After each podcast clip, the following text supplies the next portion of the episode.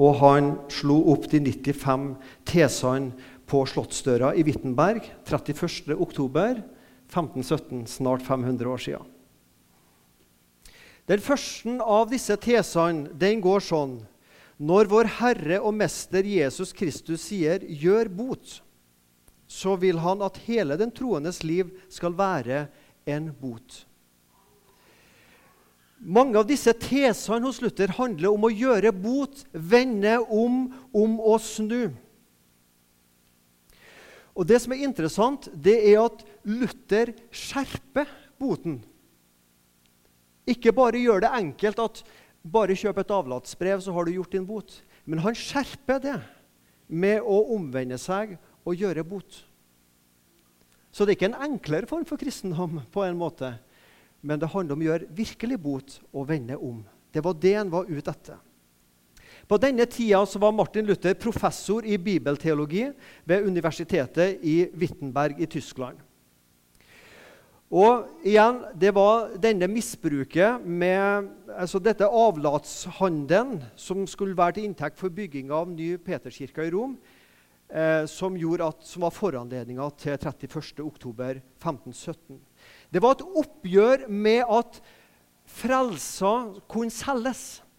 For frelsa er ikke til salgs. Tanken at vi kan kjøpe frelse eller forkorte tida i skjærsilden ved å betale oss ut med avlatsbrev ved gode gjerninger, det var det han tok oppgjør med. Vi kan ikke betale for Guds gaver. Frelsen rekkes oss gratis av en nådig Gud. Det Martin Luther gjorde, han gjenoppdaga evangeliet. Han fant ikke på evangeliet. Han fant ikke på en ny kirke. Men han gjenoppdaga det som Paulus hadde skrevet om, om frelse og Guds rettferdighet og tilgivelse. Gratis, av nåde. Han gjenoppdaga det. Og ved boktrykkerkunsten ved Gutenberg, takk og lov at det kom cirka litt før Luther, så fikk man mangfoldiggjort Luther sine skrifter, sånn at det ikke bare ble en plakat på ei kirkedør i Wittenberg, men det ble mangfoldiggjort i hundretusenvis av eksemplarer pga. trykkerkunsten. I høst skal vi snakke om ved nåden alene, ved troen alene og ved Skriften alene tre søndager utover høsten. Gjerne les denne boka, se denne filmen og sett deg inn i Martin Luther sitt liv. Et utrolig spennende liv. Men det er ikke først og fremst livet og spenninga, men det er hva han lærte oss det handler om. Munken som endret Europa, og filmen har tittelen 'Luther han hadde en visjon som endret verden'. Ikke småting. For 20 år siden så la seg en bok om Hans Nilsen Hauge. Da var det 200 år siden Hans Nilsen Hauge hadde sin opplevelse i Tune i Østfold. Og Boka heter 'Mannen som vekket Norge'. Norge er ikke det samme i dag. Ville ikke vært det samme i dag uten Hans Nilsen Hauge. Europa ville ikke vært det samme i dag uten Martin Luther. Det, det er store ting vi snakker om.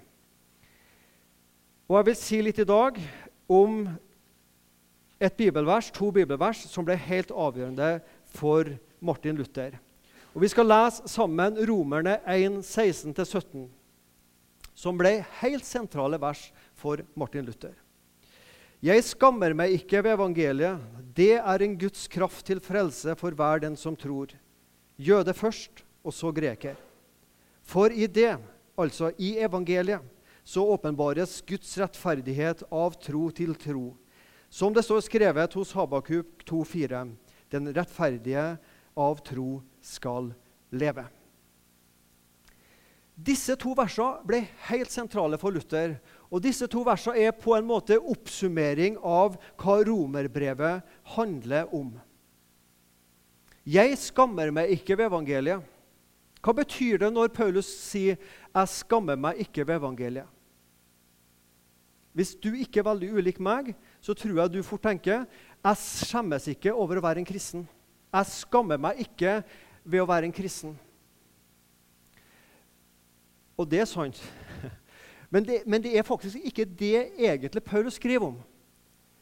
Det Paulus sier og skriver her Jeg skjemmes ikke over at det er ved evangeliet jeg er en kristen. Det skjemmes ikke jeg over. Noen roser seg over sine gjerninger over at de er så flinke i lovoppfyllelsen, over at de er omskjært, at de er så åndelige. Jeg skjemmes ikke ved å si at det er ved evangeliet jeg er en kristen. Det skjemmes ikke jeg over. Jeg skjemmes ikke over å være frelst av nåde. Det er jeg stolt over. Det naturlige mennesket, ditt og mitt religiøse indre menneske, liker ikke evangeliet. Sånn vi er av oss sjøl, så er vi ikke glad i evangeliet. For evangeliet er, kommer med noe som er helt gratis. Og mitt religiøse menneske sier jo, men jeg må jo bidra med noe. Jeg må gjøre noe, jeg må i hvert fall be noe, jeg må i hvert fall bekjenne noe.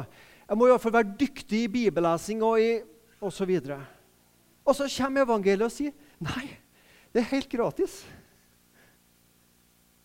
Vårt religiøse menneske liker ikke evangeliet. Vi forstår det ikke.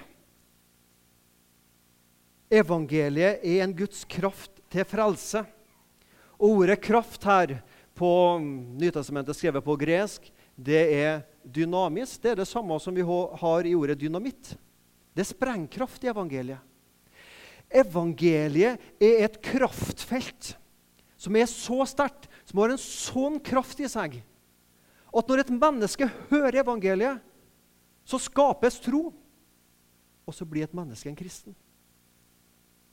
Det skjer ikke helt automatisk hver gang vi leser evangeliet for et menneske. så, så blir mennesket kristen. Men evangeliet har den krafta i seg. Ikke bare at det forventer å bli trudd, men evangeliet har den krafta i seg at det skaper tro. Ikke bare at det forventer tro, men det skaper tro. Og så kan det frelse et menneske og sette deg og meg i et rett forhold til Gud.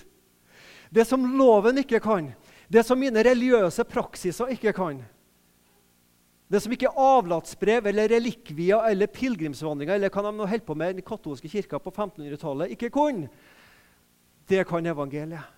Det er et kraftfelt som er så sterkt å komme inn i. Og når du hører budskapet om Jesus Kristus, så skapes det en tro. Og så griper du fatt i det, og så er vi frelst. Evangeliet det er ikke et hvilket som helst budskap. Vi har fire evangelier, sier vi. Og så kan vi på en måte si at kristentroa er evangelium. Men evangeliet med stor E og det bestemte evangeliet det er ikke et hvilket som helst budskap. Det er et, budskap det er et bestemt budskap om en bestemt person, om en bestemt gjerning, oppgave, som denne personen gjør. At Guds sønn er blitt menneske og har tatt på seg straffen for menneskets synder. Når det blir forkynt og lært at Jesu lidelse, død og oppstandelse er eneste grunn for å sette meg i et rett forhold til Gud, da forkynnes evangeliet. At Gud er kjærlighet, det er sant og bibelsk.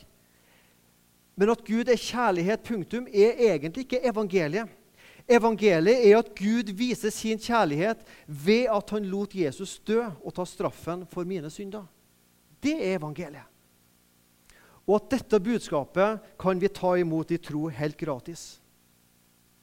Evangeliet åpenbare viser oss at Guds rettferdighet får vi ved å tro. Ikke ved lovgjerninger eller ved andre gode gjerninger vi kan gjøre. Rettferdigheten av tro Rettferdigheten av tro er et sentralt begrep i romerbrevet hos Paulus. Den rettferdige Gud gir oss sin rettferdighet, og vi mottar den når vi tror at Jesu frelsesverk holder for Gud. I evangeliet så åpenbares Guds rettferdighet. En gave. Evangeliet er en gave, og Guds rettferdighet får vi gratis når vi tror. Jeg trenger ikke å mobilisere tro i mitt hjerte, for evangeliet har kraften i seg til å skape denne troa i mitt hjerte. Siste setningen. Den rettferdige av tro skal leve. Dette begrepet sto først i Habakuk 2,4, og så er det sitert her, Galaterne 3,11 og Hebreerne 10,38. Nå skal du få være med på en liten grammatisk eh, kjekk sak her. Hvor setter vi kommaet? For det er ikke så lett å se i den greske skrifta hvor satt man kommaet. Og Ulike bibelutgaver har satt komma litt forskjellig her. Hva mener jeg nå? Jo, jeg har tatt vekk kommaet her. Den rettferdige, komma, skal leve av tro. Eller den rettferdige av tro, komma, skal leve. Hvor skal man sette komma hen? Ja, tenker du, nå, er du på sånn millimeterteologi her, altså flisespikkeri. Og Poenget mitt er ikke at det må stå der eller der. Men det er en rikdom i dette, denne setningen. Den rettferdige av tro skal leve. Og den som er rettferdig, han skal leve av tro. Jeg har blitt rettferdig av tro. Derfor lever jeg. Og fordi jeg er rettferdig, så lever jeg av tro. Takk og lov at Paulus ikke satt et komma, så kan vi tolke det på begge måter. Ved tro. Jeg er rettferdig ved tro. Og fordi jeg er rettferdig ved tro, så lever jeg også av troa. Romerne 1,17 ble viktig for Luther. Han satt i tårnet, i tårnværelset i klosteret i Wittenberg, som en munk. Augustiner Munch. Og så skulle han ha forelesninger om romerbrevet, og så kom han til Romerne 1,17. Når denne tårnopplevelsen skjedde, er man litt usikker på, men ca. 15-14-15-15, altså en par-tre par, år før eh, reformasjonen starta. Så har altså sitt Luther der og forbereder en forelesning over romerbrevet, og så leser han dette verset. Og så skjer det noe i Luther sitt hode og i Luther sitt hjerte. Og jeg, Nå skal jeg lese litt hva Martin Luther sjøl sier i ettertid, hvordan han opplevde dette. Disse ordene, rettferdig og Guds rettferdighet, virket på min samvittighet som et lyn. Hørte jeg dem, så ble jeg forferdet. Er Gud rettferdig, så må han jo straffe. Så når han las ordet Guds rettferdighet, så tenkte Luther det betyr Gud er den rettferdige dommeren som en dag kommer til å straffe meg. Og det er jo sant. Det er bibelsk det at Gud er en rettferdig dommer. Så demrer det en helt ny forståelse for Luther hva egentlig Romerne 1,17 sier. Og Dette skrev han i et skrift altså 30 år senere. Jeg leser. Jeg hatet dette uttrykket Guds rettferdighet. Har du hørt noe sånt? da? Han ser seg tilbake. Jeg hata dette uttrykket Guds rettferdighet, sier Luther, fordi jeg hadde lært å forstå det i filosofisk mening om Guds formale eller aktive rettferdighet. Etter den er Gud rettferdig og straffer syndere og urettferdige. Hvor mye jeg enn levde som et ulastelig munk, følte jeg meg likevel som en synder overfor Gud. Jeg hadde en meget urolig samvittighet og kunne ikke stole på at Gud var forsonet ved mine anstrengelser. Derfor elsket jeg ikke, nei, jeg hatet tvert imot den rettferdige Gud som straffer syndere. Saftig sagt. Og så, inntil, inntil jeg endelig ved Guds barmhjertighet fikk øye på ordenes sammenheng, nemlig Guds rettferdighet åpenbares i det som står skrevet. Den rettferdige skal leve ved tro. Da begynte jeg å forstå at meningen er ved evangeliet åpenbares Guds rettferdighet i passiv forstand, nemlig den rettferdighet som Gud i sin barmhjertighet rettferdiggjør oss ved, ved troen. Hang du med i svingen? Det er litt tungt, dette her. Jeg skal forklare deg litt etterpå. Nå følte jeg meg gjenfødt, og som en som gjennom åpne dører, så gjennom åpne dører, er kommet inn i paradis. Luther så plutselig, når det står om Guds rettferdighet hos Paulus, så er det ikke primært at Gud er en rettferdig dommer. Men det handler om den rettferdigheten Gud gir til syndere. Til deg og meg. At Gud rettferdiggjør oss ved troa. Det er sant at Gud er en rettferdig dommer. Men Guds rettferdighet det er en gave han gir meg og deg i troa på Han. For da så Luther evangeliet. Det er jo dette det handler om. Og da sånn Alt det der vi styrer på med den katolske kirka, med, det hjelper oss ingenting. Jeg skal bare ta imot Guds rettferdighet. som en gave. Helt gratis, sier jeg Guds barn. Jeg skal ikke fortjene min vei til Gud. Og jeg tror Litt av grunnen til at vi sitter her nå og ikke hopper opp, det fordi dette har vi hørt fra vi var små, og vi kjenner det. Men i 1517 var dette helt ukjent. Tanken var jeg må fortjene min vei til Gud. Og så kommer Luther med en helt ny forståelse av Romerne 1,17. Takk og lov for at han fikk det lyset der han satt i tårnværelset i klosteret i Wittenberg. Og da fant Luther ro for sin urolige samvittighet. Han fant ei trygg tro og ei visshet i troa. Og han fikk et nytt gudsbilde. Gud er ikke først og fremst den dømmende guden. Gud er den tilgivende guden. Gud er ikke den som dømmer folk til fortapelse, først og fremst. Men Gud er den som dømmer folk rettferdige og til himmelen, først og fremst. Han fikk se en nådig Gud og ikke en straffende Gud. Luther avviste ikke at Gud straffer og fortapelsens mulighet. Nei, nei, nei. Men Gud er rettferdig og vil rettferdiggjøre syndere. Han fikk en ny måte å forstå Guds ord og teologien på. Når Guds rettferdighet og frelsen er en gave som gis ved troen, ikke noe vi trenger å gjøre oss fortjent til, blir mye av den middelalderske religiøse praksis overflødig, ja, direkte unyttig. Sjelemesser, pilegrimsreiser, botsøvelser, relikvier og ikke minst kjøp av avlatsbrev. Alt dette kom Luther etter hvert til å vende seg imot fordi han mente det forkludret evangeliet. Men dermed rokket han ved en hjørnestein i den kirkelige byggverket, nemlig kirkens inntektskilder. For det er klart, hvis det ikke var noe marked lenger for å selge avlatsbrev, så ble det ikke mye mynt i kisten. Det var litt sitat fra denne boka som jeg har anbefalt deg. I korte trekk Martin Luther sitt liv. Født i 1483, Eisleben i Tyskland.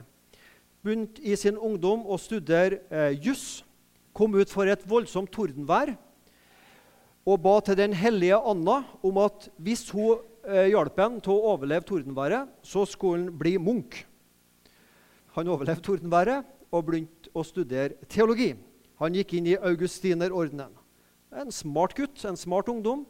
Han lærte fort og fikk fort et professorat og doktorat eller hva det heter, innen teologi, og ble sendt til Wittenberg for å undervise i teologi ved kurfyrst Fredrik sitt universitet i Wittenberg. Så blir han sendt på en reise til Rom. Og det han ser i Rom, gjør han forferda. Det er moralsk forfall, det er botsøvelser, og det er relikvier man tilber. Eh, så sånne hellige gjenstander, fingeren til en apostel eller en liten flis av Jesu kors eh, osv. Og Han blir forferda over det han ser i Rom, og kommer tilbake og syns at dette var ikke veldig greit. Så, begynner, så er han altså en eh, teologisk underviser. Og så får han denne store opplevelsen i tårnrommet i Wittenberg over Romerne 1, 16-17. Og så begynner evangeliet å demre, og han får denne opplevelsen med avlatsbrevene som vi så på filmen. Og i 31. oktober 1517 så spikrer han opp disse 95 eh, tesene om boten. Og da var, da var det ille ute, altså. Eh, og han blir eh, to-tre år etterpå så blir han bannlyst av den katolske kirka. Og det er ikke bare at vi er uenige med deg, men da er du bannlyst og fredløs. Så blir du straffa om du tar livet av et sånt menneske. Så klart det var farlig for Luther å oppholde seg utenfor kurfyrst Fredrik sitt område. Og Han ble sendt til Worms, riksdagen i Worms, og det er der han sa disse eh, kjente ordene. Her står jeg, jeg kan ikke annet. Gud hjelpe meg. Amen. For da var det ett ord han skulle si, og det var ordet revoco. Det latinsk og betyr 'jeg trekker tilbake'. Og Da sto disse katolske lærdene og sa er det disse skrifter, dine skrifter her. Er det du som er forfatter? Ja. Vil du trekke tilbake? Revoko? Nei, så sier Luther, det kan ikke jeg for min samvittighet. Vel, noen plasser har jeg gått litt over streken. Jeg har vært litt for spydig i mine kommentarer til mine meningsmotstandere. Det kan jeg trekke tilbake. Jeg har vært litt for uh, flåsete i måten jeg sier ting på og skriver på. Men evangeliet og min forståelse av eh, evangeliet og av Nytestamentet, det kan ikke jeg trekke tilbake. Og så blir han erklært fredløs, og så tar denne kurfyrsten og eh, røver han bort til en borg i Wartburg. Og Der blir han sittende der, så oversetter Nytestamentet til tysk. Og Det tar ikke mange måneder, så har han oversatt hele Nytestamentet til tysk. Og Også det var altså den romerske kirka imot, for det skulle, mot, for det skulle være på latin. Så det var jo galt at til og med Guds ord kom på det språket som folk kunne forstå. Prøv å forstå det, den som kan. Og da skjønner en det er ingen vei tilbake. Her må vi bare fortsette.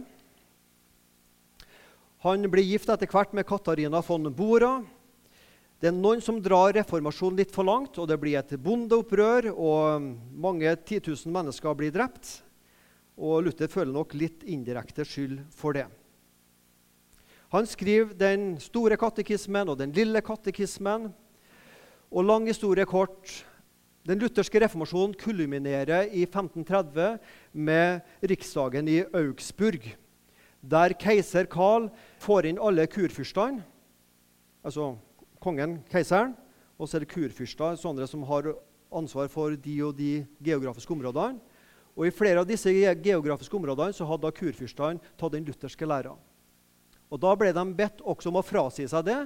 Dette var siste forsøk på å stoppe den lutherske læra. Men alle kursfyrstene sier vi vil heller dø enn å si fra oss den nye forståelsen av evangeliet. Og Da var det ingen vei tilbake. Og Det er det vi kaller riksdagen i Augsburg, der de la fram den augsburgske bekjennelse. Det er på en måte oppsummeringa av hva den lutherske læra står for. Og Da var det jo ingen vei tilbake. Man så at man kunne ikke lenger reformere den katolske kirka, men da var veien eh, da var jo veien klar at man måtte ha sitt eget kirkesamfunn. Hva vil det si å være luthersk? Luthers kristendomsforståelse er på en måte en sånn mellomposisjon, der du på den ene sida har katolikkene, og så har du en luthersk forståelse, og så har du en mer altså, I dag vil vi si karismatisk, men på den gangen så var ikke det et begrep da snakka man om svermere, og det lå mange ting i det. Men det er en, en, en mellomposisjon der man tar, tar, med seg noe fra den, luthers, fra den katolske kristenforståelsen, men har nyorientert seg på mange måter. Man tok avstand fra pavens ufeilbarlighet, ei uklar rettferdiggjørelseslære, det å tilbe jomfru Maria og religiøse fromhetsøvelser. Men man var også uenig i dem som gikk for langt andre veien, som ikke hadde noe forhold til kirkehistoriske linjer, og der det ble mer vektlegging på ytre tegn og under enn på Guds ord. I Luthers kristendomsforståelse ble man sittende igjen med tre sakramenter. Et sakrament er et synlig middel for Guds usynlige nåde. Det er Guds ord. Vi tror at når vi forkynner Guds ord, så har det kraft i seg til å gjenføde et menneske. Man tok med seg dåpen og en forståelse av at i dåpen så flytter Gud inn i vårt hjerte og eh, nattværen. At den er noe vi skal ta som kristne. Men både i dåp og spesielt i nattvær en ganske annerledes forståelse av det enn i den katolske kirka. Og så er det i en luthersk kristendomsforståelse viktig dette med loven og evangeliet symbolisert med Jesus og de to lovtavlene.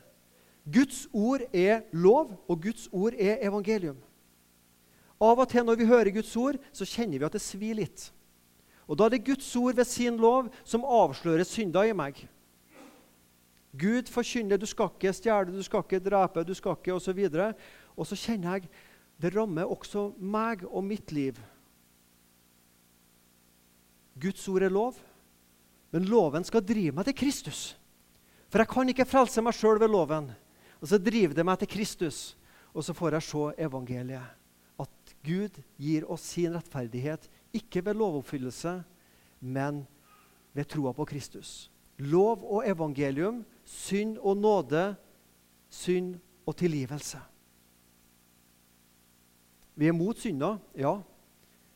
Men Guds ord skal prekes sånn at synda avsløres. For når synda mi avsløres, da får jeg veldig behov for Jesus. Hans tilgivelse og nåde. Det er veldig viktig i en luthersk kristendomsforståelse. Og så dette flotte maleriet av Odd Dubland. Din skyld er utsletta. Kristus rex, Kristus konge. Luthersk teologi er en korsteologi. Sentrum i luthersk teologi det er Jesu Kristi kors, der Gud møter mennesket, der Guds hellighet møter menneskets syndighet, og der menneskets syndighet blir utsletta og tilgitt og strøket ut. Og når vi tar imot det i tro, da er vi tilgitt og Guds barn. Det var i kortformat Luthers kristendomsforståelse. Og så er det veldig veldig mye mer å si enn som så, men dette ble i kortformat. Så vil jeg si det at å være luthersk er ikke det samme som å være enig med Martin Luther i alt. Hans uh, uttalelse om jøder og en del ting det er vi veldig uenige. Det er ikke alltid at Martin Luther sjøl var luthersk.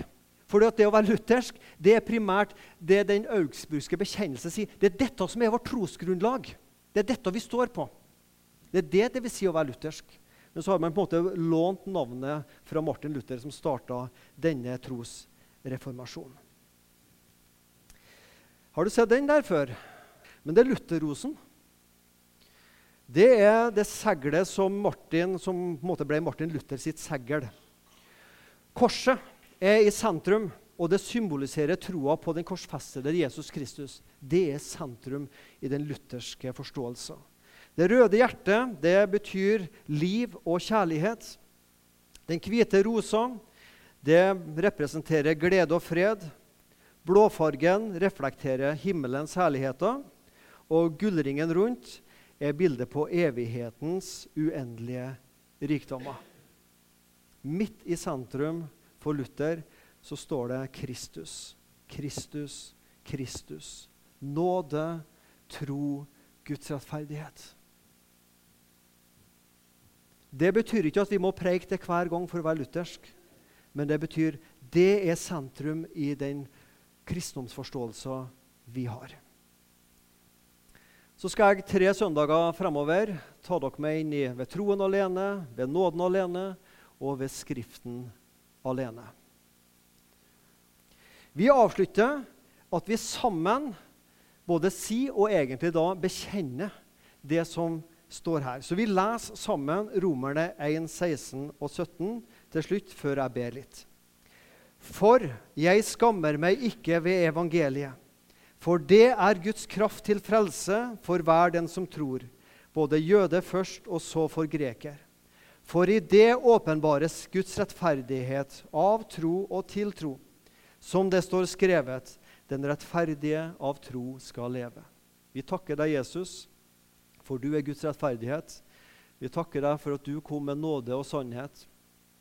Takk, Gud, for at du først og fremst er en tilgivende Gud og ikke en dømmende Gud. Takk for at du, når du dømmer, så dømmer du oss rettferdig. Takk, Jesus, for det du gjorde på korset. Og må det aldri gå av mitt sinne, av mitt hjerte, av min tanke og av min munn hvem du er, Jesus, hva du gjorde, og hvorfor du kom. Vi takker deg for du har hatt mange flotte talsmenn opp gjennom kirkehistorien som på ulike måter har løfta fram Guds ord og sannheten i Guds ord. Vi takker deg for også han som heter Martin Luther, som levde for 500 år siden, som hjalp oss klarere til å se evangeliet. Takk for at du er evangeliet. Amen.